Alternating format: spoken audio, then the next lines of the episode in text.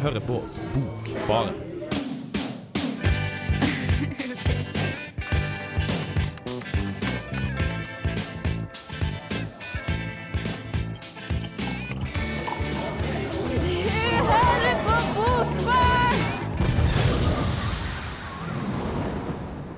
God dag og velkommen til Bokbarn og spesialsendingen av romanen 'Stoner' av John Williams. Forfatteren, ikke musikk. Musikkomposøren, mannen. Mitt navn er Kristoffer Ervik, og med meg er Ingrid Kaimsarholt, Vetle Henriksen og Hanne Malene Lindberg.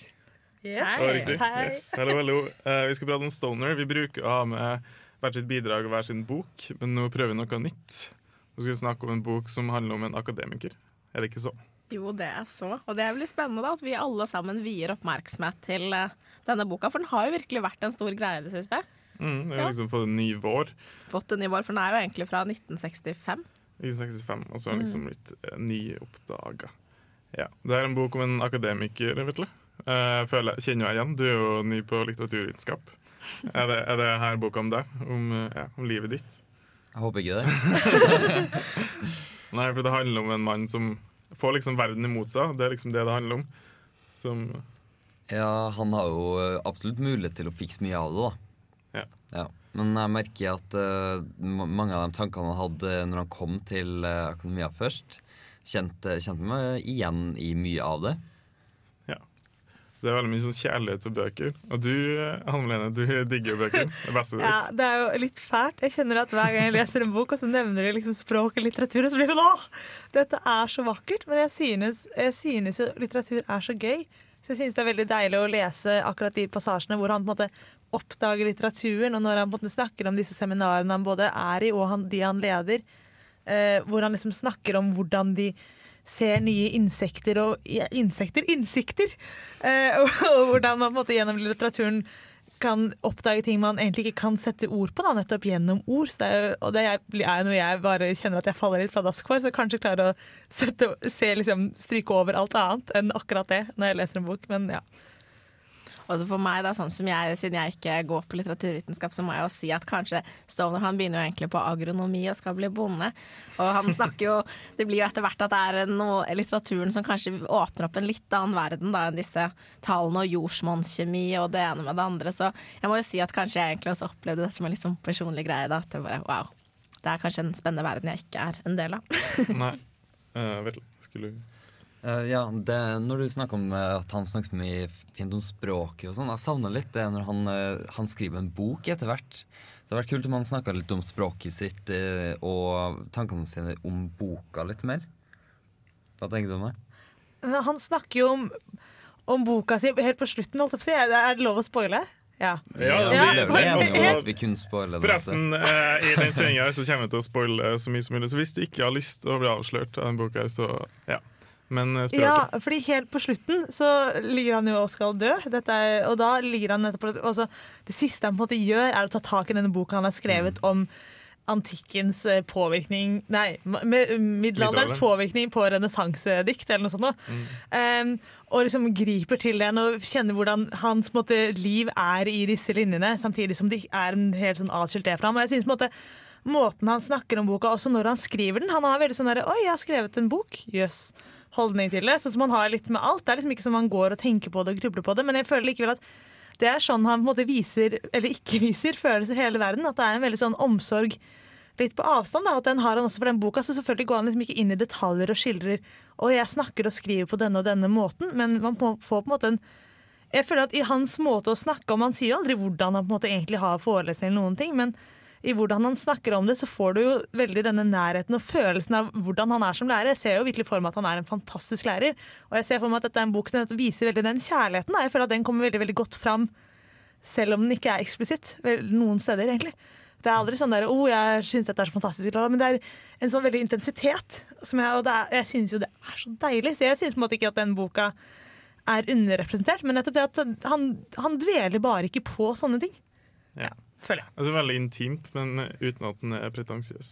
Men eh, vi skal i hvert fall prate om eh, Stoner av John Williams i en liten time nå. Men kanskje du har lyst på litt musikk først? Hva med One More Featuring Me av Elephant? Stoner.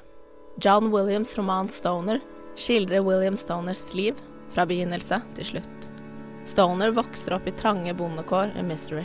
Sammen med foreldrene jobber han dag og natt med naturen på laget for å få mat på bordet og klær på kroppen. Han tenker lite på og legger få planer for framtiden. Rett og slett fordi den i hans øyne ikke er annet enn en videreførelse av det han allerede opplever. Fortid, nåtid og framtid veves sammen og blir et stillestående og lite drømmende begrep. Dette skal imidlertid vise seg å være langt fra sannheten. Da Stoners far foreslår at sønnen skal begynne på det nystartede agronomstudiet på Universitetet i Colombia, er det lite entusiasme å spore. Kommer foreldrene til å klare alt strevet alene? Han reiser likevel. På universitetet innhenter han kunnskap som kan forbedre og effektivisere jordbruket mange, mange hakk. Men der jordsmonn kjemi forblir nyttig lærdom i det praktiske livet, er det et innføringsemne i engelsk litteratur som får han til å kjenne på det andre, virkelige, ja, selve livet. Stoner har lite forkunnskap og strever skikkelig med å få tolkningene til å gå opp. Her må han bryne seg på mer enn logiske implikasjoner og rasjonelle tankeganger. Her er det kanskje fraværet av de to strekene alt i bunn og grunn handler om. Etter mye motgang og flere ufrivillige møter med eksamen blir Stoner fullstendig oppslukt av litteraturen, og etter hvert også forelska i formidlingen. Etter utbruddet av første verdenskrig velger han, til tross for press fra kollegaene, å bli værende i sine faste, trygge, men også for første gang lykkelige rammer. Hans gretne professor, Arthur Sloan, eldes og mildner av de brutale hendelsene, og gir Stoner jobb som hjelpelærer. Også privatlivet byr på forandringer. På en av universitetets tilstelninger blir han fullstendig betatt av beskjedne, skjøre, men utrolig vakre Edith. Etter noe om og men blir giftermålet inngått. Dessverre blir den skandaløse bryllupsreisen første ledd i et tomt, kjærlighetsløst og begjærfritt ekteskap. Men datteren Grace blir født. De flytter, og Stoner får sitt eget arbeidsværelse. Her tilbringer han mye tid sammen med datteren Grace, og får overøst henne med all den omsorgen og nærheten han har samla opp gjennom ekteskapet. Dagene går, og livet forandrer seg mer eller mindre. Da Stoner ønsker å stryke en lovende doktorgradskandidat, fordi han mangler grunnleggende kunnskaper, går han imot den nyinnsatte og krevende professor Lomax. En skulle tro at universitetet der kunnskapen stiller sterkere enn menneskene som formidler den, ville heiet fram sannheten. Men også her er trynefaktor den store vinneren. Stoners rettferdighetssans får fatale konsekvenser. Han blir degradert fra masterkursene og må undervise i oppgaveskriving for førsteårsstudenter. Han sliter med å stå opp for sine egne meninger og kreve sin rett da Edith plutselig på et noe utspekulert og djevelsk vis får øynene opp for datteren, blir han kulissearbeider. Hun må jo bli likt, sier Edith, og bruker alle overfladiske midler for å gjøre datteren populær. Men hans ømhet og omsorg får spillerom senere. Grace blir gravid og alkoholiker. Og Stoner lar henne føde og drikke. Masse. Da åpner hun seg, og de snakker ordentlig sammen. Han er kanskje ikke verdens lykkeligste mann, Stoner. Men universitetet åpna mange dører for ham. En verden han kunne flykte inn i hvis den andre virkelige, ikke var så grei. Han elska på noen måte kunnskap og litteratur, høyere enn menneskene han levde sammen med. Den ene gangen han våget å elske noen, var redselen for å miste støtten fra fagmiljøet hvis utroskapet ble kjent, sterk nok til å la forholdet avsluttes.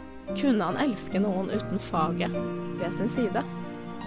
Mot slutten, da han tør å la universitetets pålagte pensumplan og metode legges litt til side for sin egen kreativitet, så er det plutselig ikke så viktig lenger. Trenger han å bli husket for mer enn den han var? Var det kanskje et mer levende liv i samspill med andre mennesker som var det viktigste likevel? Ja, det var handlingsreferatet fra Stoner av John Williams. Og hvis du nettopp har skrudd på, så skal, kommer vi til å avsløre hele boka. Så eventuelt kan du eh, putte på Filmofil. Der skal de prate om antagonister i, eh, kvinnelige antagonister i filmen. Eh, så kan gjøre, eller så kan du være her, for at vi er veldig flinke, og vi prater om Stoner. Og hva handler Stoner om? Vi skal gi deg korte trekk. Du har nettopp hørt det, men kanskje i en setning. Vetle, hva tenker du? Livet til uh, et menneske. Ja, det var egentlig veldig bra. Det en Ja. Det var jo litt det du sa, at det var litt vanskelig å på en måte Eller sånn som i det handlingsreferatet, da, så har man jo bare trukket fram små og store hendelser, men liksom, hvis man skal definere, trekke den store linja rundt boka, så blir det litt Hva var det du sa din beskrivelse var en mann eh, og akademia og universitetet, og så går ikke alt så bra på alle fronter, eller? Ja, men det er for, fordi det han er veldig glad i, det. for han, det han liksom tenker på seg sjøl som en lærer. Han mm. liker å lære bort, og at han definerer seg sjøl.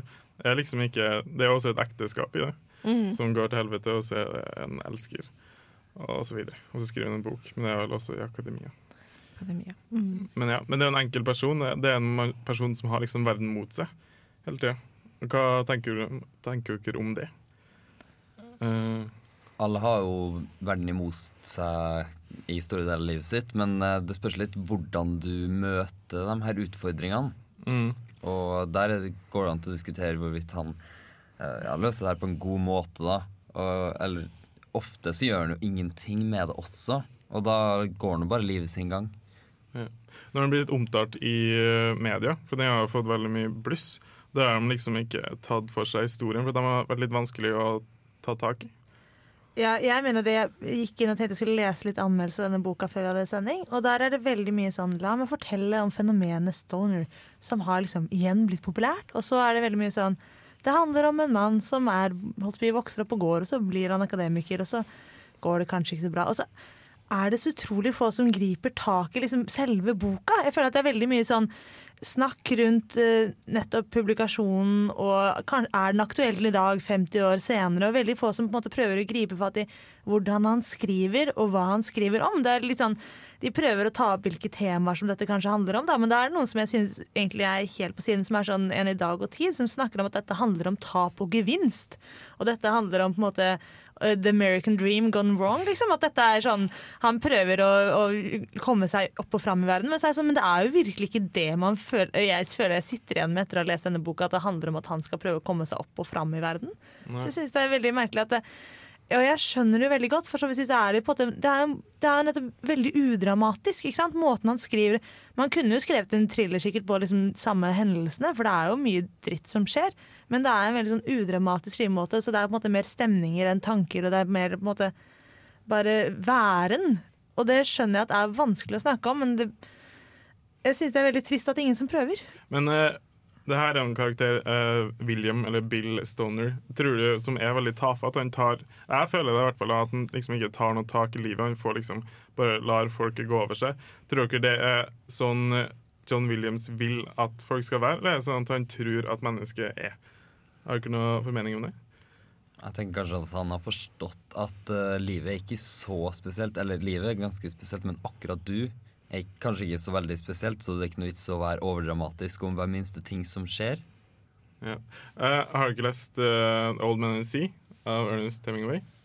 Nå, no, no, okay, kjenner kanskje til historien om en sånn mann som går ut og så fisker han. Ja, jeg har lest den, men uh, ja. Men jeg kanskje jeg kan sammenligne med den. For at det, det er mye av det samme at du liksom Men i den The Old Man and Sea så kjemper han, da. Og han får jo Han får ikke en gevinst, men han kommer på en måte tilbake. Nå spoila også den. Han kjemper, det er litt løst, men han kommer tilbake. eh, yes. Eh, Men eh, ja, for det, det her så Han prøver liksom ikke å Han har ikke noen retning, da. Han liksom bare surrer litt gjennom livet. Men syns du på en måte aldri at han prøver? For jeg føler i hvert fall litt sånn Jeg blir også veldig frustrert i enkelte tilfeller hvor jeg ikke føler at han kjemper sin eh, rett, men litt på begynnelsen, da, når han på en måte så gir han seg jo ikke helt med litteraturen, og det, der syns jeg han kjemper en liten kamp, selv om det på en måte er eh, en av de eh, professorene som må si til han at nå må du faktisk ta et valg, nå må du bestemme deg, du kan ikke bare ta litt emner i litteratur her, men du må faktisk ta et valg og slutte på det studiet ditt, da. Ja, for jeg jeg tenkte på dette underveis, at dette er en sånn typisk helt som jeg ville irritert meg over. Sånn sulthelten, som jeg syns er utrolig provoserende. For jeg blir sånn å herregud, kan du ikke bare liksom fikse ting? Kan du ikke bare skjerpe deg litt? Men jeg tenker ikke det om William Stoner, for jeg føler at han og dette er jo mitt problem, derfor jeg klarer virkelig å argumentere godt for hvorfor jeg synes dette. Men jeg synes han tar grep, og han har på en måte noe han brenner for, han har noe han jobber for.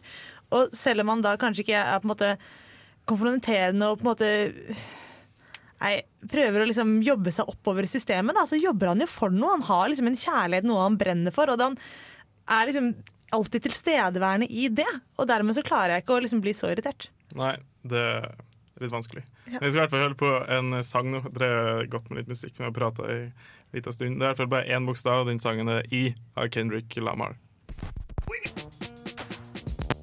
Jeg heter Erlend Nøttet, og du hører på Studentradioen i Trondheim. Stoner, skrevet av John Williams, ble utgitt i 1965. Men de fikk lite oppmerksomhet fra både publikum og kritikere. Williams er nokså ukjent i Norge, men han vant faktisk US National Book Award for den siste romanen han skrev, som het Augustus, som handler om en romersk keiser med samme navn som boka. Så historien om at John Williams var en totalt ukjent akademiker som døde uten noen form for erkjennelse, er kanskje ikke helt rett. Men når det er sagt, så var den publisiteten han fikk da, ikke nærheten av den han har i dag. Både i Europa og USA. Da Williams skrev brev til agenten sin i 1963, fortalte han at han hadde skrevet en roman som skulle hete Stoner. Fikk han beskjed tilbake at han ikke måtte forvente noen stor kommersiell suksess. John Williams svarte. I suspect that I agree with you about the commercial possibilities, but I also suspect that the novel may surprise in its respect. Oh, I have no illusion that it will be a bestseller or anything like that, but if it's handled right, that is, if it's not treated as just another academic novel by the publisher, as Butcher's Crossing was treated as a western, it might have a respectable sale. The only thing I'm sure of is that it's a good novel. In time, it might even be thought of as a substantially good one. Og det var en god roman. Og det solgte en liten stund, men så ble det stilt. Helt til i 2006, da New York Review republiserte romanen og den fikk ny publisitet. Noe av grunnen til at den har fått så stor interesse, er fordi Anna Gavalda, den franske forfatteren med kritikerroste bøker som er oversatt til 'Saman er en mindre alene' og 'Lykke er en sjeldan fugl', oversatte Stoner til fransk i 2011. Gavalda likte boka så godt at hun ba forlaget sitt å kjøpe rettighetene bare fordi hun skulle få lov til å oversette. Deretter begynte andre forlag å få øynene opp for Stoner. Magasinet New Yorker fulgte etter og omtaler Stoner som den beste amerikanske romanen du ikke har lest. Ian McEwan, Tom Hanks og Brett Easton Ellis har også tatt John Williams' nest siste roman til hjertet. Og sånn er det. En av verdens mest aktuelle romaner for tida handler om en lutrygga akademiker med et dårlig ekteskap, lunkent jobbforhold og et liv som går ubemerka forbi. Et liv som går ubemerka forbi, med Jimmy Hendrix i bakgrunnen, og det er jo litt, eh, litt motsigelse. For Jimmy Hendrix er jo liv som bare faen. Uh, men uh, John Williams' roman 'Stoner' er, handler om en akademiker som liksom ikke får til så veldig mye. Den ble utgitt i 1965, som jeg sier i saken min, men den har liksom fått en ny vår. Og hvorfor i all verden har han fått det? Har du ikke noe formening? Uh, Syns dere det er en sånn revolusjonerende, roman som vi liksom trenger i dag, som de ikke trengte i 1965? Eh, Nei? Føler dere at det liksom det er bygd på livet deres? Nei, altså, dette, jeg har jo snakket litt om at det er veldig mange som nettopp nevner dette. Å, men den er, passer fin sånn selv, 50 år etterpå. Eh, og drar den veldig fram, da, men det er ingen som sier på en måte helt hvorfor. Men jeg tror, jeg tror på dette her, at dette er litt en fyr som på en måte er litt på sånn ja, men det er kanskje ikke noe mening med livet, og man skal på en måte ikke gå etter de store tingene hele tiden, men så kan du ha det fint likevel. Og det er et veldig, veldig godt forord i den engelske utgaven. Eh, hvor de siterer fra et intervju med John Williams, hvor han sier at det er så mange som sier at dette er en roman om en ulykkelig mann, men han er jo egentlig ikke ulykkelig. Jeg tror han er ganske lykkelig. Han har et liv som kanskje er bedre enn de flestes. Eh, han liksom har en jobb han brenner for, og han synes det er deilig med livet. Liksom. Og så er det litt sånn, ja, inni alt dette på en måte jeg er jo veldig for en livsholdning som er sånn OK, det finnes ingen mening med verden, men det betyr ikke at du skal gi opp alt. Ikke sant? Du kan fortsatt finne deg dine små ting som du skal være lykkelig for.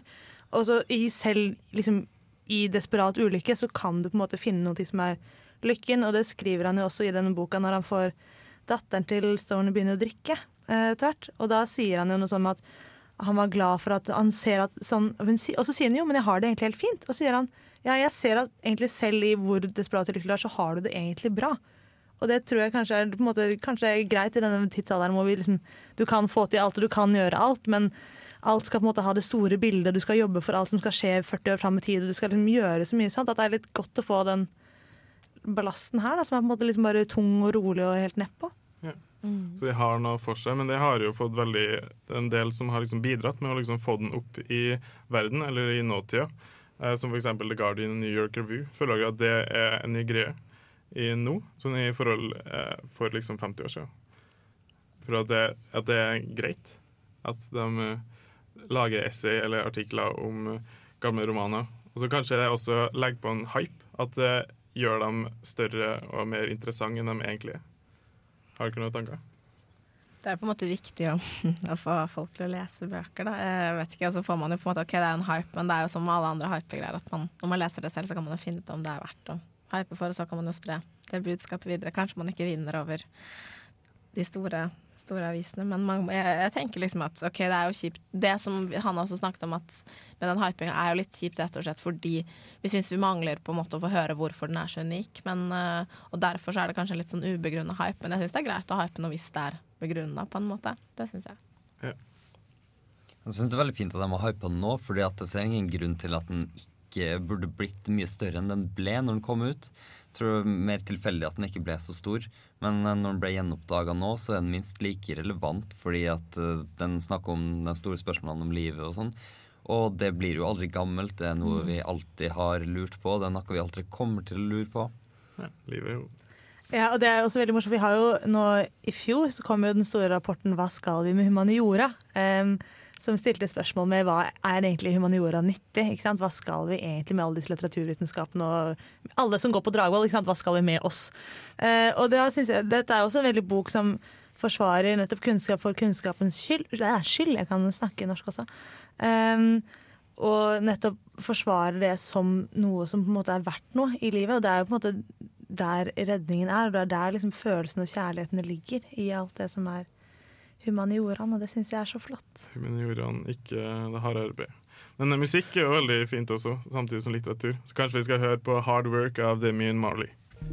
Commerce. Hei, jeg heter Arild Wange og hører på Bokbaren hver tirsdag for å holde meg oppdatert på hva som skjer i litteraturen her til lands og ellers i verden. Så bra, Arild Wange, at du hører på Bokbarn. Og spesialsendinga vi har om eh, John Williams sin roman 'Stoner', som handler om akademiker. Det, det handler om en roman som går eh, Det er skrevet i tredje person. Eh, Det går liksom ikke et fra Stoner sitt perspektiv. Lever kanskje også, men de prater også om andre personer. Også, men de forklarer ikke tankene, forklarer liksom bare ansiktsuttrykkene og hvordan de oppfatter ting. Hvordan føler dere det fungerer? Føler dere at, at det funker godt med eh, liksom fortellinga og historien til romanen? For meg så syns jeg det gjør det fordi han, sånn som vi snakket om tidligere, er litt sånn tiltaksløs på en måte, og derfor ikke alltid um, kanskje greier å skjønne helt hva som egentlig skjer, eller hvorfor ting helt er som de er, på en måte, i hvert fall i det virkelige liv. Da han forstår jo litteraturen utrolig godt, virker det som, men at, eh, at det derfor Sånn som at han snakker om vennskap som man ikke vet helt akkurat om de funker eller ikke, og hvorfor de snakker ikke eh, ordentlig, om varmt, eller ordentlig om hvor varmt eller virkelig det vennskapet er. Så, eh, så, så jeg føler på en måte at det bygger litt opp om hele Stoner, da, som ikke skjønner helt hva som skjer, men han registrerer mye, og han tenker mye som han kanskje ikke får helt sånn slengt til oss, da. Ja, på det viktigste i livet hans er den som er rundt den. Mm. Det er liksom sånn han eh, tenker på seg sjøl. Mm. Jeg føler ofte det er to ting, for når han snakker med personer, så når de reagerer, så er det ofte to ting de gjør. Av og til så er det en motsetning. Det er en gang da hun kona er både irritert og liken. Jeg skjønner ikke helt hvordan man eh, hvordan gjør Jeg tror jeg aldri har opplevd at noen gjør det. De både liksom enten at de syns jeg er grei, og at de er irritert. Hvordan, eh, hva syns dere? Føler dere at det er noe i boka? At det er noen motsetninger? Uh, Vetle, eller hva syns du om måten jeg beskrevet? Hvordan fortellermåten er? Eh, Med fortellermåten Jeg har ikke lagt merke til den motsetninga. Men jeg syns fortellermåten er veldig fin fordi at uh, du får ikke direkte innblikk i tankene hans på samme måte som um, du ville gjort hvis at uh, den er skrevet i første person. Og da blir det liksom du er der sammen med dem og må tolke menneskene sånn som du tolker vennene dine. Sånn sett er jo det ganske interessant, for at da kan boka bli oppfatta og ja, alle sammen får eh, hver sin eh, oppfatning av boka. Fordi at eh, alle har forskjellige opplevelser i sitt liv, og når de da leser boka her og leser om de forskjellige karakterene sin eh, oppførsel, så kommer de til å sammenligne det med sine egne opplevelser. Så derfor blir eh, hver leseropplevelse, hver leseopplevelse unik, da. Ja. Det er jo en episk fortelling da, av veldig mange forskjellige mennesker. Det handler om et helt liv fra starten til slutten. ved døden. Men eh, du har laga en liten sak, Vetle? Ja, det stemmer. Hva handler om det? Ja, er der jeg snakker litt om eh, hva som skjer oppi hodet til menneskene. Det er litt vanskelig som sagt, å, å, å forstå. Man kan jo bare tyde ut ifra ansiktsuttrykk.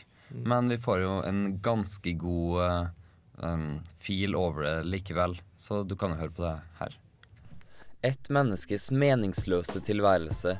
Eller kanskje er det mer til livet enn det som vises på utsida. Boka er en reise gjennom små og store begivenheter som til sammen gir innsikt i de forskjellige karakterenes indre sjeleliv.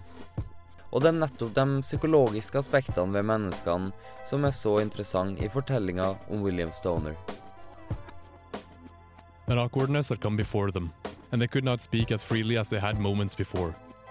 Soon, Stoner got up, thanked her for the coffee, and took his leave. She walked with him to the door and seemed almost curt when she told him goodnight. Etter å ha fulgt Stoner i en årrekke ble vi godt kjent med han og hans natur. Ja, nesten så godt kjenner vi han at det er som tankene hans tilhører oss selv, som fjerne minner fra en annen tid. Mentaliteten hans er vanskelig å forstå seg på. Hvorfor tar han ikke mer kontroll over situasjonen? Det virker nesten som han er redd for å gjøre noe galt, og straks livet går han imot, så aksepterer han skjebnen sin. Som de fleste andre er han veldig påvirka av oppveksten sin, hvor foreldrene hans ikke gjorde så mye annet enn å akseptere at livet gikk sin gang. Og derfor er det kanskje ikke så rart at han ikke stiller de store spørsmålene. Det får bli din oppgave. Edith was in bed with the covers pulled to her chin, her face turned upward. Her eyes closed, a thin frown creasing her forehead. Silently, as if she were asleep, Stoner undressed and got into bed beside her. For several moments, he lay with his desire, which had become an impersonal thing, belonging to himself alone. He spoke to Edith, as if to find a haven for what he felt. She did not answer. He put his hand upon her and felt beneath the thin cloth of her nightgown the flesh that he had longed for. He moved his hand upon her. She did not stir. Her frown deepened. Again, he spoke, saying her name to silence. Then, he moved his body upon her, gentle in his clumsiness. When he touched the softness of her thighs, she turned her head sharply away and lifted her arm to cover her eyes. She made no sound. Gjennom boka blir vi sittende og reflektere over livets store og små spørsmål. Indirekte tar han opp de eksistensielle spørsmålene som jeg elsker. Og nå til slutt så sitter jeg igjen med ett spørsmål som jeg ikke klarer å få ut av hodet mitt. Hva er det meninga at jeg skal utrette i løpet av tida mi her på jorda? Kanskje er det ikke meninga at vi skal finne svaret. Kanskje har vi en fri vilje og uendelige muligheter. Og kanskje er det meninga at vi skal bruke det til å skrive boka vår slik vi ønsker å lese den i våre siste øyeblikk. Uh, hi, it's uh, Jakob Mensti, and you're listening to Bookbaren at Daily World. Ja, det gjør du. Det er Bokbarn og spesialsending med John uh, Williams sin roman 'Stoner'. Uh, kan jeg få ta en avstikker? Yes. Ok, supert. Uh, når Dag Solstad var vordende litteraturanmelder i en liten blekke på Vestlandet, eller Sandefjord, der han kommer fra. Jeg tror det var på Sandefjord, i hvert fall. Men så fikk han vite at uh, Aksel Jensen skulle en, eller skrive en roman om ei dame som skal ut og kjøpe melk. Og så hoppa han nesten i taket av entusiasme. For at han var veldig lei av å skrive sånn, eller lese sånne store romaner om ting som liksom folk som redda verden, og som skjedde veldig mye. da, Og så kom Aksel Jensen med en roman som handler om ingenting. Og er Stoner en roman om ingenting? Føler dere det? Eh, han gjør jo noe, absolutt. Han har jo et liv, og det inneholder livet. Men er det liksom viktig? Føler dere det? Det er det store. Altså, det er det er jo veldig avdramatisert. Eh, samtidig som det er, måte, det er jo et helt normalt liv, og ting skjer, og måte, alt kan jo bli en roman. ikke sant? Eh, Man tenker av og til så sier man sånn Å, ha-ha, dette er som å være en roman. ikke sant? Dette livet her, alle de rare tingene som skjer. Og det kan på en måte skje med alt. Og jeg synes, Det er jo ikke en stor dramatikk, så det jo, men det er jo ikke en bok om ingenting. Det er jo nettopp om de evige temaer som alltid. Men det er nettopp den Man snakker jo alltid om at det er så mange bøker som er om de små, trivielle tingene i livet, og det er jo kanskje nettopp det det er. Og det er kanskje det som på en måte er det viktigste. At det ikke er disse kjempene som kommer og redder verden, men at det er det nære som man på en måte klarer å relatere til. Mm. Du snakka om et intervju i sted, om at han eh, skrev at eh, folk syntes det var en veldig trist bok. Og så tror jeg han også skrev, eller snakka i det intervjuet at det var veldig viktig for at Stoner skulle være glad for at han hadde en jobb. At jobben er veldig viktig i livet, at han liksom gjorde det han skulle gjøre. Mm. Ja, men jeg, jeg tror jo det at det er en god måte å være lykkelig på. Jeg har tenkt at jeg har byttet studieprogram og sånn flere ganger, så skjønte jeg slutt at herregud, man må jo bare gjøre det man liker. Og så satser man på sånn ok, kanskje du ikke får en kjempegodt betalt jobb, og kanskje du ikke liksom får gjøre alle de merkelige tingene du hadde lyst på ellers i livet. Kanskje du ikke får reist til Europa, som man egentlig skulle med kona si. Men du har på hvert fall noe som på en måte betyr noe. Ja. Men eh, burde ikke det her Eller burde kanskje ikke vært en eh, roman som liksom oppmuntrer til å leve livet du lever? Eller du skulle ha levd, da. At liksom folk skal rette seg etter litteraturen istedenfor at det er en avspeiling av mennesket. Eller det kan være begge deler. Jeg vet ikke. For det, jeg føler ikke at det er en oppmuntrende bok. Får du ikke lyst til å lese eller bli liksom en del av det miljøet? Du syns ikke det? Du får ikke Nei, kristen? Nei. Det er, litt, det er litt av problemet jeg har med William Stoner, som er hovedkarakteren. Jeg syns han er veldig tafatt. Han liksom bare Han gjør ikke det han har lyst til. da Eller Det er f.eks. at han ikke drar med hun elskeren. Mm. Liksom stikker av og rekker finger til kone og jobb, som han har på en måte mista. At han bare tar det av integritet. da Jeg føler det er At han følger normene. Det syns jeg er litt eh, teit. Hva syns dere? Syns dere det er viktig med normer? Eller syns dere han gjør det riktige? Eller er det en, trenger det å være greit? Jeg vet ikke helt. Jeg føler kanskje ikke at man kan lese om alle gode ting som skjer, man må kanskje gjøre dem selv òg, da. Det er det jeg også Jeg er litt enig med deg, Kristoffer. Jeg har jo dette da problemet at jeg tror jeg, jeg har en veldig veldig stor sympati for disse karakterene uten at jeg vet helt hvor den kommer fra, som jeg tror er mye i hvordan William skriver. At jeg kjenner at jeg klarer liksom ikke helt å bare si ja, ok, men det var et teit valg. Jeg synes at jeg synes på en måte han, I hans verden så er integritet viktig. I hans verden så er den avgjørelsen om å ikke stikke av fra alt også den som er riktig. Det er på en måte Altså, det virker kanskje ofte at hans valg er å ikke velge, men jeg tror ikke det er sånn. Jeg, for meg så er han Han er et aktivt subjekt, liksom. Han er ikke så passiv som man måte, kanskje oppfatter ham som. Jeg tror det på en måte foregår mer der enn jeg, jeg egentlig har lyst til å si at det, det gjør, på en måte. Ja, det er kanskje viktig å ikke prøve å rettferdiggjøre sitt eget liv ved å lese romaner. Ja, det er også veldig, Helt på slutten så sier han også at for mange andre så ville kanskje livet mitt sett ut som failure, kom ikke på det norske ordet. Eh, men, også, men så er det jo sånn at han sitter jo helt på slutten og lurer på sånn, ja, men hva var det egentlig du forventet? Det er, så det er jo sånn utrolig sårt, for han har jo et veldig nett sånn perspektiv på sitt eget liv og lurer på, på egentlig hvordan dette gikk. men det, det ender på en måte ikke opp i noen konklusjon, og det synes jeg egentlig er det som er litt deilig. Fordi livet har jo ikke en sånn Det skal ikke være en sånn sluttet konklusjon, og sånn var det. Hva, hva man forventer. Man forventer helt feil ting. Alltid. Men det er også greit. Ja. Men, det tror jeg er veldig godt eh, sagt. Kanskje vi skal høre på litt musikk? Uh, 'Kind of eh, Sometimes Maybe' av Jesse Warr. This is Alan Moore, and you're listening to The Book Bar. Ja, og det er spesialsending eh, på romanen 'Stoner' av John Williams. Og det passer jo veldig godt, for at i morgen, onsdag eh, 1. oktober, er det ikke det? I 2014, så skal bokstavelig talt eh, litt, en del litteraturvitere eh, komme på biblioteket på Samfunnet og prate om akkurat denne romanen. Eh, og så er det sånn at vi ikke er fullt utlært. Vi er litt sånn en cocktail av idioter som er glad i litteratur. Så det passer kanskje greit for våre lyttere å få vår mening, da.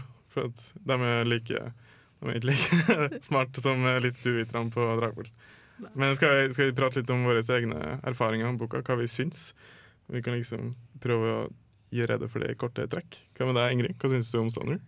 Um, var, eh, jeg syns det var en, eh, en fin bok, og for meg var nok den der delen med universitetet var veldig flott å bare se hvor mye spennende man kan, eller hvor, hvor mye det kan gjøre med deg. da Komme inn dit og virkelig føle at du finner noe som taler til deg på den måten. Det syns jeg var veldig flott. At man liksom ikke Ja, det var et sted hvor de sa at du er rett og slett forelska i å formidle eller i litteratur, og det det var en, ja, altså Om Stone kanskje ikke greier å bli nesten ordentlig forelska senere i livet, så blir han det i hvert fall i litteraturen. Og jeg syns akkurat i de delene på universitetet, det å høre om hvor flink han er til å formidle det han lærer, det er noe som jeg av og til savner i mine forelesninger. Jeg syns det var veldig, veldig flott å, ja, å tenke tilbake på det jeg virkelig likte så godt med mange av mine lærere på videregående, hvor stor kjærlighet jeg hadde til det de formidla. Og det syns jeg var det flotteste, tror jeg, ved boka. Mm. Jeg syns eh, det var ganske fint at um, du fikk uh, Du slapp liksom å tenke på alt som kom til å skje, og det var ikke så mye sånn ah, hvordan kommer det her til å ende. Det var mer at uh, du kunne bruke tida di på å tenke litt og uh, se litt på måten boka var skrevet på, i stedet for uh, å bry deg så masse om handelsforløpet. Og det gjorde til at uh, ja, når du konsentrerer deg mer om, mer om innholdet egentlig enn en selve handlinga, så fikk jeg i hvert fall en mye dypere forståelse for, for alt de psykologiske aspektene osv. Så, videre. så det syns jeg var veldig spennende. Ja, jeg syns det er så flott hvordan han ser på verden, og jeg syns det er så deilig å få bare høre at det er greit at livet ikke har noen mening. Og jeg syns det er så deilig når han går rundt og tenker at ja, kanskje dette er nok i livet. Kanskje jeg går rundt og synes at verden er vakker akkurat nå, og så går det egentlig til helvete, men så er det på en måte greit. At man ikke trenger å liksom strebe etter den ultimate lykken. Da. At det kan være nok med måte, de punktvise nedslagene. Syns jeg er veldig flott. Det er jo noe som går i den med kjærligheten til litteraturen og kjærligheten til alt i biter. At det ikke trenger å være en helhet. Fint. Mm. Jeg vet ikke språk, men jeg syns det er veldig godt. Veldig rent og upretensiøst. Jeg syns det er en god roman. Jeg er ikke liksom enig med henne, jeg følte meg igjen. Men det er kanskje greit, det. Men nå får du i hvert fall Politrix av Einar Strøy Orkestra. Eh, ja, jeg heter Dag Solstad, og dere hører nå på Bokbaren, og der er altså jeg. Du hører på Bokbaren, og helt på slutten, eller på tampen av eh, vår Stoner-sending, eller rom roman Stoner, ikke om uh, de folkene som røyker mye hasj og ja, bryr seg så mye om livet. Men Stoner, eller William Stoner bryr seg så mye om livet. Så kanskje mellom linjene så røyker han mye hasj. Skal vi, skal vi ta den Fordi folk sier ikke så veldig mye litteraturkritikere sånn, de sier ikke så veldig mye om boka, så kanskje det, det er det som mangler. Ja. ja. Og det, det kommer, jeg gleder meg veldig da. I morgen, altså klokka sju, Kristoffer sagt men det er klokka sju i Biblioteket på Samfunnet, så skal Dragås litteraturvitere snakke om Stoner. Og jeg gleder meg så utrolig, fordi jeg syns dette er kjempevanskelig å snakke om. Og jeg når vi prøvde å snakke om dette før sending, jeg prøvde å liksom sortere tankene mine på hva er det egentlig jeg synes, og hvorfor er dette bra, hva er det som ikke er bra, hva er det som funker. og sånn og synes det er kjempevanskelig. Og jeg klarer virkelig ikke å ta tak i det, så jeg gleder meg så sykt til å høre noen liksom bare, Nå satser jeg på å få sånn skikkelig åpenbaringer i morgen. Til mm. de grader. Jeg er så veldig klar for det. Ja. Hvordan, eh, hva tror du han kommer til å ta tak i? Sånn at vi, det er jo veldig vanskelig, for vi syns det var vanskelig å bare prate om boka. Og liksom prøve å sette oss i tankene på litteraturviterne. Men hva er noe som dere kommer på nå, som de kanskje kommer til å ta tak i? Tror du liksom holdningene hans til livet Tror du det kommer til å være sentralt? I den, uh, Vetle? Tror du det? Jeg håper det.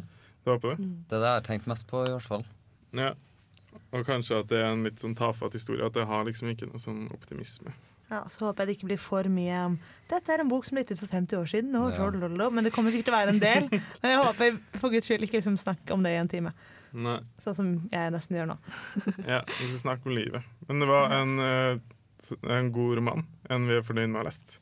Mm. Ja. Og det som og er, rekker jeg å si fort, at det som er kult, hans intro til eh, litteraturen er 1773 av Shakespeare, som også handler om måte, hvordan livet går sin gang. Så kanskje er det liksom resignasjon med døden og livet og sånn. Mm. Ja, les den også. Men vi har vært Kristoffer, eh, Ingrid, Vetle og Hanne Malene.